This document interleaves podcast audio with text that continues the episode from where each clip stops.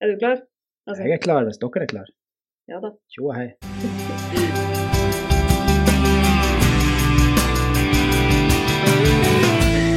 Hei og velkommen til en ny utgave av Folkepodden. Eh, mitt navn er Ida Larsen, og med meg i dag så har jeg sjefsredaktør Steinup Henriksen og utviklingsredaktør Trond Sandnes. I dag skal vi snakke litt om flaskehalsen og knutepunktet Gisundbrua, og litt om digitale rettigheter. Men aller først. Det er varsla en eh, pressekonferanse eh, fra regjeringa tirsdag kveld, eh, og der går det rykter om at landet kanskje åpner opp igjen. Hva tror du, Steinup, kommer det til å skje? Ja, det har jo for så vidt de Det har jo lekka ut allerede fra helseministeren sjøl, som sagt at det kommer betydelige lettelser, så det tror vi. Så Så er jeg jo spent på hva det blir. Det er jo kommet et nytt regime for testing og letta på karantene. Det er jo noe som opptar veldig mange. Men jeg tror og håper at det kommer lettelser som kommer kulturlivet, idrettslivet, reiselivet, skjenkebedrifter osv. til gode. Mm. Men hva tenker dere, er det, er det riktig å åpne? Jeg tenker at um, nå har Danmark, Irland og uh, Storbritannia sagt at den pandemien er en, som en, mild, en mild forkjølelse, Mm. eller lett influensa å definere. Den er ikke samfunnskritisk lenger. Så de åpner jo fullt opp. Norge er litt bak eh, disse landene i smitte, smittetoppen. Ikke, den, begynner, den er nådd der, men den er ikke nådd hos oss. De snakker om kanskje i slutten av mars. Mm. Uh, Men um, det er jo helt åpenbart du ser at innleggelser på sykehus, alvorlige sykdomstilfeller, går ned også i Norge. Så jeg tenker at uh, nå er det tid for å uh, åpne opp trinnvis. Og jeg er som vanlig veldig opptatt av breddeidretten. Jeg mener det bør man bare slippe opp eh, med en gang. Komme i gang med breddeidretten. Og også komme i gang med Jeg skriver i en kommentar eh, i lørdagskommentar at Eh, sommeren er jo tid for festivaler, utepils og sånn moro, men forspillet bør begynne nå. For det er jo sånn at de store kulturarrangørene og sånt, de trenger tid på seg for å planlegge festivaler osv. Så, videre. så signalet bør komme nå. Og vi har jo, em, vi har jo hatt litt smitte her i, i kommunen den siste tida. Hvordan har dere opplevd det? Trond? Nei da, det har jo vært eh, farlig nært et par ganger. Og, eh, på skole, Mm. eh, for så vidt her på jobb og kjenner kanskje Steinar til, som har hatt det enda nærmere enn meg og klart faktisk å unngå det. Så det er klart det er denne runden. Men så er man samtidig ikke så redd nå når man hører at den, den siste varianten ikke er mer enn en mild influensa for de aller fleste. Men samtidig syns jeg jo det er litt eh, Man må jo altså Det må jo ikke bli sånn at, at eh, arbeidsplasser går eh, tom for folk pga. Av, av sykefravær. Mm. Det er jo den, kanskje den mest farlige greia. Legekontor Én ting er nå her på Folkebladet, hvis vi får det sy sykefravær, stort sykefravær, så klarer vi å løse alle oppgavene, samfunnsoppgavene våre. Eh, viktige funksjoner i samfunnet, sånn som eh, eh, helseetaten, skolene, barnehagene osv. Mm. Men det er ikke Steinar, du, du hadde jo det her han Ja, eh, jeg hadde tett på med, med nærmeste familie, hvor stort sett absolutt alle er smitta. Jeg er last man standing. Jeg har ikke fått det, og det er jo bare tilfeldigheter. og Jeg skjønner egentlig ikke hvor, hvor, hvordan det har skjedd, men, men sånn er det nå bare. og jeg har ikke tenkt å påføre meg sjøl det heller, for jeg har også underliggende sykdom sjøl. Så, så eh, jeg vil, eh, så lenge det er mulig, holde meg unna det. Men det som er det, er jo at eh, nå regner man jo at de aller fleste vil få det. Mm. Og, eh, og da må det liksom bare gå sin gang. Det viktige her er jo, som Trond sier, at de samfunnskritiske funksjonene ikke rammes. Eh, Spesielt i helsevesenet, eh, med et voldsomt stort uh, sykefravær. Nå har det vært en sånn absurd situasjon. Det har vært folk som har vært friske, som har vært ute i karantene lenge. Mm. Uh, helt så meningsløst. Nå uh, er jo det endra, så heldigvis. De karantenebestemmelsene er endra. Så nå kan jo de som er friske, og du kan faktisk gå på jobb selv om din, den du sover sammen med om natta, er, er, sjuk, bare du, der du tester deg sjøl før, du- før du går. Mm. Så det er, liksom, det er to ting som er farlig. Det ene er samfunnskritiske funksjoner, at hvis det blir ramma. Det andre er jo selvfølgelig de som tross alt fortsatt blir alvorlig sykt, spesielt med underliggende, underliggende uh, sykdommer. Så, uh, men likevel, eh, dette må veies opp mot hverandre. og eh, jeg tenker sånn at eh, smitterisikoen er kjempehøy, uansett hva du gjør. Det viser seg jo at selv om man både prøve å holde meteren, munnbind, gjør alt det som egentlig Og som funka mot de to første typen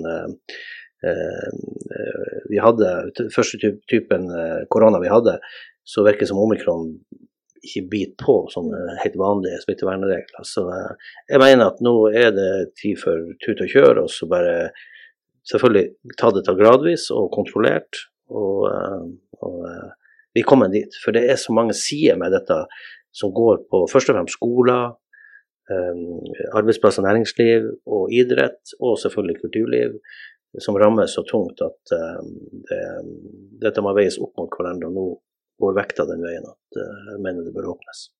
Men Ida, du sjøl, hva du syns om at, uh, at, bør vi videreføre noen av de her eh, tiltakene, sånn som å vaske fingrene godt på, sprite oss før vi går i butikken og holde litt avstand til folk vi ikke nødvendigvis trenger å klemme?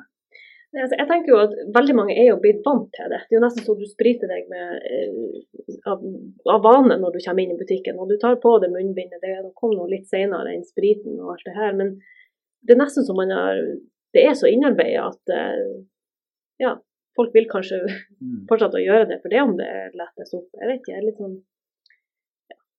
Det koster meg ikke så mye å gjøre det, så for min del så er det Nei, jeg syns òg det er egentlig ganske greit. Ja. Det er jo blitt en naturlig del av, av hverdagen. Ja. Se på ungene også, som liksom mm. Eh, det med, med, munnbind, spriting, alt sånt, det er liksom blitt en naturlig del av det. Og det var jo dystopisk og, og skremmende til å begynne med, alle disse med, med, som går med maske og sånn. Jeg, jeg, jeg, reagerte på det, var spesielt.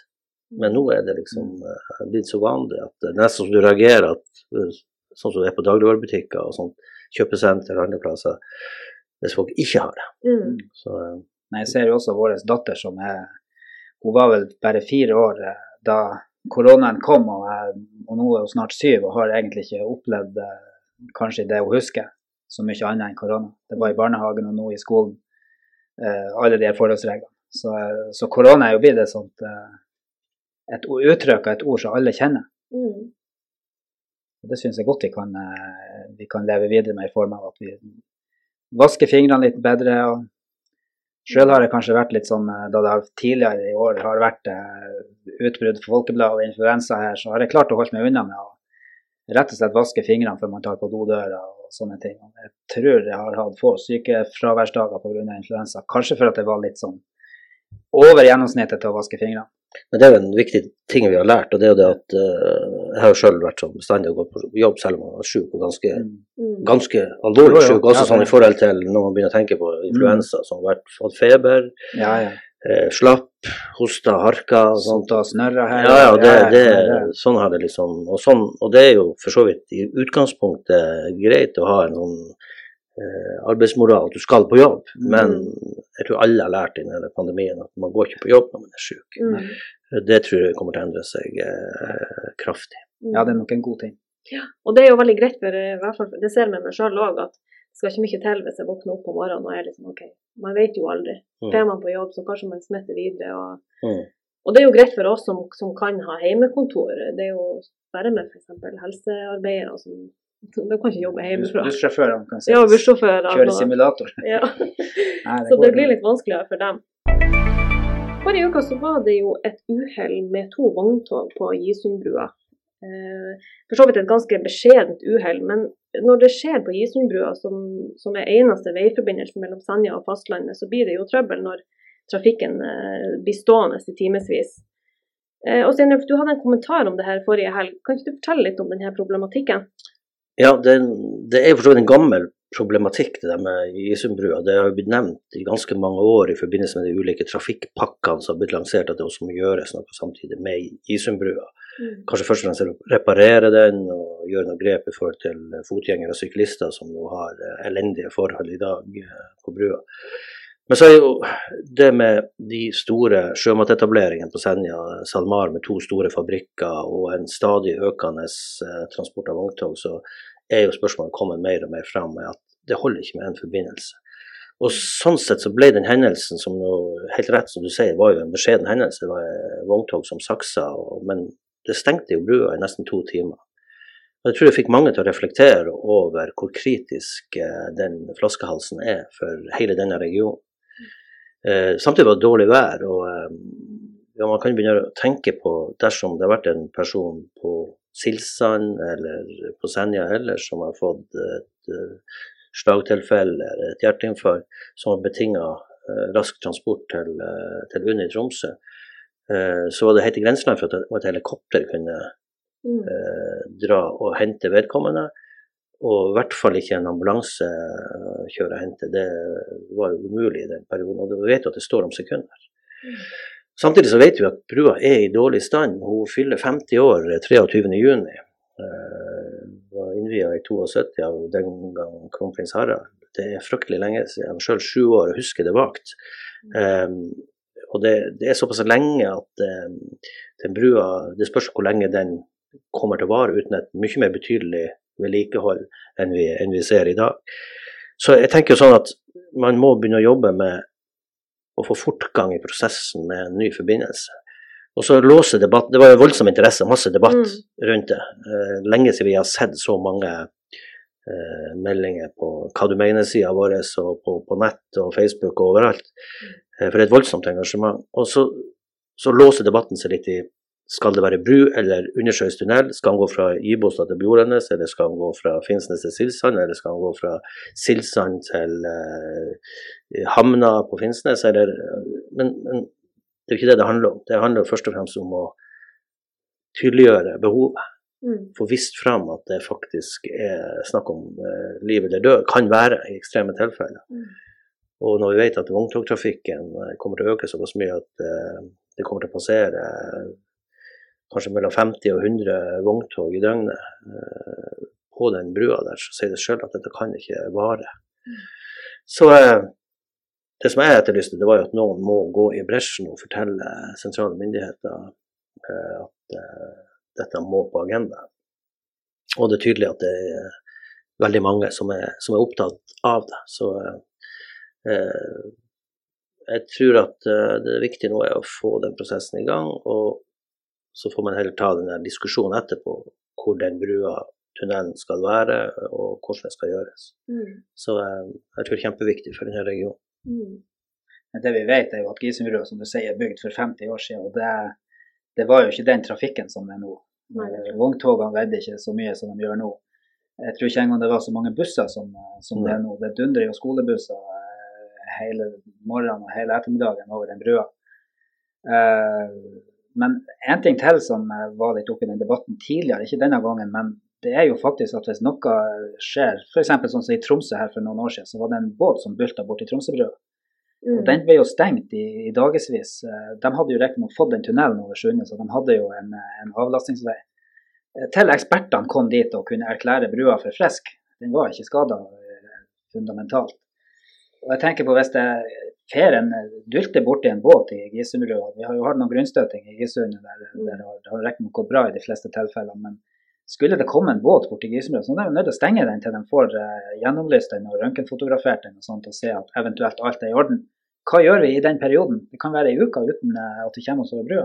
Ja, og det er jo sånn at uh, man begynner å snakke om siste ferga gikk i 1972. Mm. Jeg tror til og med den siste bilen som kjørte på, med ferga, var faderen sin, Bård Granada. Han krangla seg med den siste turen. Um, og det, det er jo faktisk sånn at da er det ferge. Det er nesten så tilbake til, til 72. eh, du har jo fergekai eh, i Skrålsvik og i Gryllefjord og uh, i Botnhamn. Det blir jo litt problematisk. Det er ferga ferger nærmeste på fastlandet ferger kan legge til, det vet jeg ikke hvor det er. Vi har jo en forbindelse selvfølgelig fra Botnhamn til Ja, ja. Men den vil jo aldri kunne ta unna. Noen vogntog vil jo sikkert kunne kjøre der, men, eh, men eh, samfunnet lokalt vil jo kollapse Mm. sånn, med tanke på jobb og og alt mulig. Så. Ja, det blir jo en fryktelig sånn omvei for oss hvis vi skulle ha måttet kjøre via, via For, eh, der for å komme oss Vi får pendle i lag og kjøre via Tromsø. Via Tromsø gjennom. Ja. ja, vi satt jo her begge to den, eh, den eh, torsdagen var det vel, Ja. og lurte på om vi kom oss hjem fra jobb. Ja, det ble jo plutselig ikke noe sånn særlig stress for å komme seg hjem. Nei. Det eneste var jo at fruen skulle andre veien på jobb på helsesenteret. og Vi lurte en periode på om vi skulle, om vi skulle bytte, at jeg skulle føre oppover dit, men den har kanskje ikke gått så bra. Um, men denne uka så kunne vi lese om Målselv kommune som uh, måtte, må punge ut flere tusenlapper etter at uh, de har henta et bilde på, uh, som tilhører NTB, som de har brukt på nettsida si. og Vi skal holde tunga rett i munnen når vi deler på sosiale medier for å ikke bli tatt for stjeling. Og Dette har du tenkt mye på og skrevet om denne uka, Steinulf? Ja, det var vel om Trond som skrev, jeg ble, jeg ble intervjua. Så ja. Trond skrev en kommentar i bakkant av det. For i den saken som Jermin Nilsen skrev om, om Målselv, så intervjua han meg og, for at dette er jo en utfordring vi òg har. Um, og det er jo ofte at vi, vi ser selv, selv, store bedrifter, eh, offentlige etater osv. som henter bilder fra oss og mm. bare publiserer. Det er det ene, og så er det selvfølgelig privatpersoner som gjør det samme. Men det, det, det vi opplever aller mest, det er privatpersoner som, som henter innhold Mm. som er opphavsrettsbeskytta. F.eks. ta bilde, screenshot av ei hel avisside, eller publisere hele artikler som, som, vi har lagt på nett bak, bak betaling, så, og publisere det. Mm. Kulturarrangører f.eks. som har et arrangement. Jeg skjønner jo godt at de tenker sånn. Um, og så tar de bilder av forhåndsomtalen som vi har, og, og, legger den ut i sin helhet på, uh, på, Facebook eller andre sosiale medier. Og det er et brudd på opphavsretten. Like mye som det å, å eh, ta bilde av et maleri, eller ta, ja, som, som Målsand kommune gjorde. Det gjelder akkurat de samme reglene for det. Og Så skrev han Trond en eh, glimrende kommentar om dette. Litt andre vinkler hva du egentlig har lov til. For du har lov til å gjøre en del ting, men akkurat det som veldig mange gjør, med å kopiere bilder og tekst i sin helhet, det er ikke innenfor. Nei, altså man kan, jo, man kan jo sammenligne med at uh, det, det, er jo egentlig ganske mange år siden nå at uh, folk faktisk tenker seg om før de deler musikk gratis. Mm. Uh, og laster ned gratis. De fleste har Spotify og betaler for det, eller Apple Music og betaler for det. og vi har jo òg fått ganske mange digitale abonnenter hos oss, men det blir egentlig akkurat det samme. Du kjøper en ting som noen andre har laga. Og jeg så en som hadde skrevet en kommentar under den kommentaren min på nett, at han kunne dele bilder av bilen sin så mye som han ville. Da kunne han like godt dele folkene, for det hadde han òg kjøpt. Men det blir litt annet med en bil, for at det første han har jo tatt det bildet sjøl av bilen, så det er hans åndsverk. Mm. Eh, det andre er jo at hvis du skal kopiere en bil, altså du kan ikke kopiere en Masta for dem som skulle finne på å klare det, da, og selge den som Masta og, og eh, komme unna med det. Det er faktisk plagiat, det også. Mm. Men som Steinar sier, og dere sier, det, jo, det, finnes jo faktisk måter å dele ting på. Uh, vi er jo veldig glad, vi er jo avhengig av at folk deler artikler og lenker til oss. Og det er det ikke noe noen må spørre om. Uh, heller ikke å ta såkalte faksimiler der du tar et utklipp av f.eks. tittelen og litt av ingressen, kanskje, eller førstesida på Folkebladet, som er vår salgsplakat, papirutgaven papirutgaven f.eks., eller at du har en screenshot av en del av en artikkel. Men å begynne å dele hele, sånn at alle kan, uh, kan gå der og lese det, så er det, det er ikke innafor. Men det er fullt mulig å dele som sagt lenker og, og bilder av det. og jeg komme unna med det uten å spørre. Men så er det jo også sånn at hvis en privatperson kommer og spør meg om kan jeg få låne bildet ditt som du tok av et nordlys eller en uh, eller sånt, eller, eller, noen kommer og spør, så, så, er det litt annet. For da, da kan man jo faktisk være litt uh, rund, og det er privatpersonen kanskje som spør. Og da, da syns jeg nå egentlig at det er greit. Og det er jo mailadressen vår står jo under alle artiklene, så, så det er jo egentlig bare å spørre rett og slett. Mm. Litt, vi får sånn, litt sånn morsomme tilbakemeldinger, morsomme anførsel, fra, fra folk som, som f.eks. skriver hvis vi skriver om korona eller viktig informasjon og masse kritikk. Hvorfor i all verden ligger dette bak pluss eller mm. abonnement, mm. som det heter nå? Ja. Eller abonnent, som det heter, det heter nå. Eh, Tenk nå tilbake for, fra før 1997, da Folkebladet kom på nett, så var det kun papiraviser. Den måtte du betale for hvis du ikke stjal den i kiosken. Og det er jo litt av det samme. Altså, det jo, mm. du, du, måtte betale for å lese dødsannonser, du måtte betale for å lese nyheter om veldig viktige ting. Um, du, måtte, du, måtte, jo betale TV-lisens, og det gjør vi jo fortsatt, selv om lisensen er borte, så må du betale for nyheter både på NRK og, og TV 2. Mm. Og, uh, så, så, det er liksom det er en litt annen tankegang. Man tenker at det som er på nettet, skal liksom være gratis. Mm. Uh, men sånn er det ikke. Vi har mm. alltid betalt for nyheter. Det er selvfølgelig naboer som har lånt aviser hos hverandre, men det blir en, ja, det blir en helt annen dimensjon på det. det, det, er jo ikke forbudt, det. Men, men, eh, men, eh, det er klart, eh, Vi prøver å forklare det til folk. og Heldigvis er det også folk der ute på sosiale medier som, som skriver at også journalister og, og må ha lønn, og mediehusene må tjene penger. Det er det vi lever av. Mm. Så det, du går jo ikke inn i en butikk og henter deg ut noe og bare går for at du mener at du har rett til det. Så det er litt det samme, samme prinsippet. Og så er det jo sånn, Vi gjør jo vurderinger av og til at vi legger ting åpent, for vi skjønner at dette må faktisk alle få med seg. og litt sånn, Spesielt i, også i korona, eh, med ny, nyheter og sånn nyhetsdøgn osv. som vi har hatt åpent eh, med små notiser osv. Men når det legges ressurser inn, redaksjonelle ressurser i ting, så krever det rett og slett at vi for å få det til å rulle rundt, eh, tar betaling for det. Og sånn er det i samtlige norske mediehus. Ja da, det er jo ikke noen som stusser over at de må betale for Netflix for å se en TV-serie. eller noe Mm. sånt, Så det, det tror jeg er, er greit. Og så er det jo eh, å ha et abonnement, så er det jo faktisk sånn at du kan dele et abonnement innen familien. Mm. Eh, eller hvis du har noen veldig nære, gode venner som du stoler på, så kan du faktisk dele et abonnement. Det finnes egen eh, tjeneste hos oss òg, at du kan faktisk gå inn og, og ha familiedeling. Mm. For at flere kan få, få med seg. Jeg syns det er veldig fint at det, at det blir litt eh, fokus på det her. For jeg tror jo at veldig mange av dem som både dem som henter bilder og dem som, som klager på, på plussmuren, jeg, jeg tror jo at de eh, kanskje ikke har tenkt så langt. At de får en litt sånn Ja, selvfølgelig må, må de òg ha betalt, eller at det Jeg tror ikke det er noe som man nødvendigvis gjør med overlegg. Jeg tror nok kanskje at, eh, at Ja, at det er fint å sette litt fokus på det. At det kanskje åpner øynene litt til noen som kanskje ikke var klar over det, eller ikke har tenkt ennå. Og så er det jo faktisk litt forskjell på om du er jeg på å si, en bedrift eller en kommune og, og henter et bilde fra Folkebladet uten å spørre, eller om hun, eh, Olga på yttersida gjør det. For at Mm. det, det blir litt annet. Gjør, oppdager vi privatpersoner, så sender vi dem en vennlig mail og forklarer det. Og som regel så fjerner folk og gjør det på en litt annen måte. Så eh, det er jo, men noen er nå faktisk sånn at de kommer med noen merkelige kommentarer om at de har noe kjøpt og betalt. Mm. Yes, hva dere, um, hva dere skal gjøre i helga? Ja, jeg kan jo begynne. Jeg Ja. har uh, to planer. Det ene er å spise mølja for første gang. Så jeg håper det går bra. Det er jo litt uh, både væravhengig For første gang. Aldri spist mølje. Nei, men første gang i år. Å, ja. Nei, jeg har spist masse mølje, men for første gang i årets mølje. Ja, ja. Eh, Så jeg håper at det går bra. Nå har heldigvis været blitt litt bedre de siste dagene, så vi har eh, etter landligge og alt sånt, så har de jo vært på havet. Så jeg tror jo det er tilgang på det. Jeg har fått signaler om det. Mm. Og det andre som er litt sært, er jo at jeg skal eh, se en eh, fotballkamp på søndag ettermiddag eh, i Afrikamesterskapet mellom Sene- Senegal og Egypt, for der er det to Liverpool-spillere, siden det er stopp i engelsk fotball. Så, så eh, det er min sære helg. Det er Mølja og Afrikamesterskap. Trond, slår du den?